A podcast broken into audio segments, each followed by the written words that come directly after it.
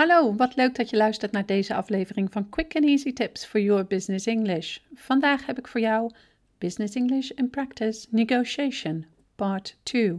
Mijn naam is Anneke Drijver van Improve Your Business English en de auteur van het boek Master Your Business English Communicate with Power in 7 Simple Steps.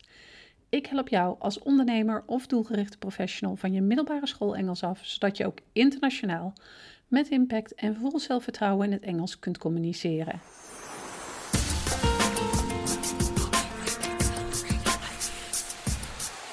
Deze podcast gaat door op de podcast van twee weken geleden door je meer informatie te geven over onderhandelen in het Engels. Maar eerst een korte recap. Negotiation, ofwel onderhandelen genoemd in het Nederlands, is het proces waarbij tenminste twee partijen iets willen bereiken, maar hierbij verschillende belangen hebben. Zoals ik in de vorige podcast ook aangaf, is het belangrijk om op een overtuigende en impactvolle manier het woord te kunnen doen om de belangen van jouw partij te vertegenwoordigen. Dit is sowieso een ingewikkeld proces, laat staan als je ook nog eens moet onderhandelen in het Engels. Maar laat de moedje niet in de schoenen zakken. Deze podcastreeks geeft je namelijk een grote hoeveelheid aan tips en tricks die ervoor zorgen dat jij op een professionele en impactvolle manier kunt onderhandelen in het Engels. Tijdens de vorige podcast heb ik je verteld dat het voorbereiden van het onderhandelen erg belangrijk is. Door een goede voorbereiding ga je namelijk met een stuk meer zelfvertrouwen het gesprek in. Om op een overtuigende manier te onderhandelen in het Engels is het natuurlijk enorm van belang om een goede Engelstalige woordenschat tot je beschikking te hebben. Niets is namelijk zo belangrijk om de juiste woorden te kunnen gebruiken wanneer je overtuigend wil overkomen. Je verliest een groot deel van je professionaliteit als je keer op keer moet zoeken naar een juiste Engelse term of wanneer zelfs verkeerde begrippen gebruikt. Daarom ga ik in deze podcast en de volgende podcast dieper in op het onderhandelingsproces en geef ik je een grote hoeveelheid aan handige voorbeeldzinnen die je kunt gebruiken tijdens een negotiation. Dit doe ik aan de hand van het doorlopen van de verschillende fases van een onderhandeling, waardoor je ook een goed beeld hebt van een gestructureerde Engelse negotiation. Het begin van de negotiation. Aan het begin van de onderhandeling is het fijn om de agenda door te lopen. Je neemt dan samen met de tegenpartij een moment om te kijken waar jullie het over gaan hebben. Maar onthoud goed dat ook het begin van de negotiation enorm belangrijk is. Hier zet je namelijk de toon voor de rest van het gesprek. Daarom is het belangrijk om diplomatiek en efficiënt te werk te gaan, ook al tijdens het bespreken van de agenda. Een goed advies is duidelijk aangeven wat je van plan bent te doen. Luister maar eens naar de volgende voorbeeldzinnen. Before we begin, shall we have a look at the main points on the agenda? Let's look at the main points for today's discussion before we start. Shall we start by having a look at the agenda? De kern van de onderhandeling. Wanneer je de agenda hebt besproken, is het tijd om te beginnen met de daadwerkelijke onderhandeling. De kans is groot dat je veel verschillende gesprekstechnieken moet toepassen in deze fase van de onderhandeling. Zo moet je bijvoorbeeld luisteren en vragen om voorstellen en is het ook belangrijk dat je op een duidelijke manier zelf een voorstel of suggestie kunt doen. Ook is het belangrijk om goed aan te kunnen geven waarom jouw partij voor een bepaald belang wil strijden. Ook is het belangrijk om goed aan te kunnen geven waarom jouw partij voor een bepaald belang wil strijden. En moet je op een professionele manier aangeven of je het wel of juist niet eens bent met bepaalde argumenten.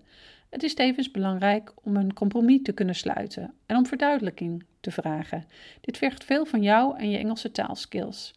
Per onderdeel geef ik je een aantal voorbeeldzinnen die hierbij kunnen helpen. In deze podcast ga ik gedetailleerd in op de eerste drie onderdelen, namelijk het luisteren en vragen om voorstellen, het doen van een voorstel of suggestie en het staan voor een argument of belang. In de volgende podcast zal ik verder gaan met de overige onderdelen. Luisteren en vragen om voorstellen. Luisteren naar de tegenpartij is belangrijk, niet alleen voor jezelf, maar ook voor de ander.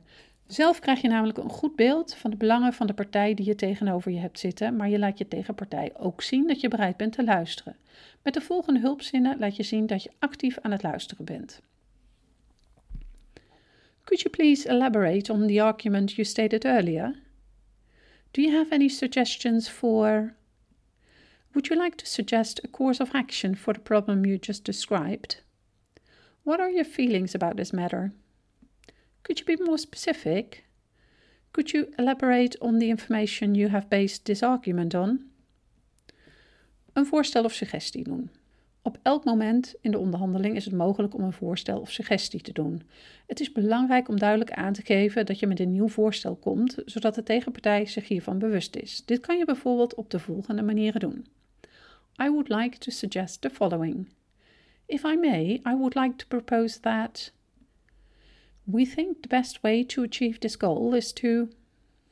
We recommend that. I would like to suggest a solution. What would you say if we would do the following? Duidelijk staan voor een bepaald belang of argument. Nadat je met een voorstel of suggestie bent gekomen, is het belangrijk om een duidelijke redenering te geven van waarom jij of jouw bedrijf denkt dat dit de oplossing is. Dit doe je door aan te geven waarom jij voor een bepaald belang of argument staat. Wanneer je dit op een duidelijke manier kunt beargumenteren, is de kans groot dat je het doel wat je voor ogen hebt ook daadwerkelijk bereikt. Ik geef je nu een aantal voorbeeldzinnen die op een duidelijke manier een argument kunnen inleiden. The most important reason for this is My former suggestion is based on two ideas, namely, the key reason for this proposal is the following. Most significant is that the key factor of this argument has to do with I would like to provide some more information on this topic. Ben je benieuwd geworden naar er nog meer Engelse voorbeeldzinnen die je kunt toepassen bij een belangrijke onderhandeling? De andere onderdelen van de kern van een Engelse negotiation zal ik in detail toelichten in de volgende podcast. Deze zal over twee weken verschijnen. In deze podcast ga ik het hebben over het eens en oneens zijn met een voorstel van de tegenpartij, het sluiten van een compromis en het vragen om verduidelijking. Daarnaast vertel ik je hoe je een onderhandeling het beste tot zijn eind brengt. Tot dan! Ben je op zoek naar meer manieren om jouw zakelijk Engels te verbeteren? Bezoek dan onze website www.improveyourbusinessenglish.nl. En we zouden het heel erg op prijs stellen als je een review voor ons zou willen schrijven op SoundCloud of iTunes. Dit helpt anderen namelijk weer om onze podcast te vinden en daarmee hun Engels te verbeteren.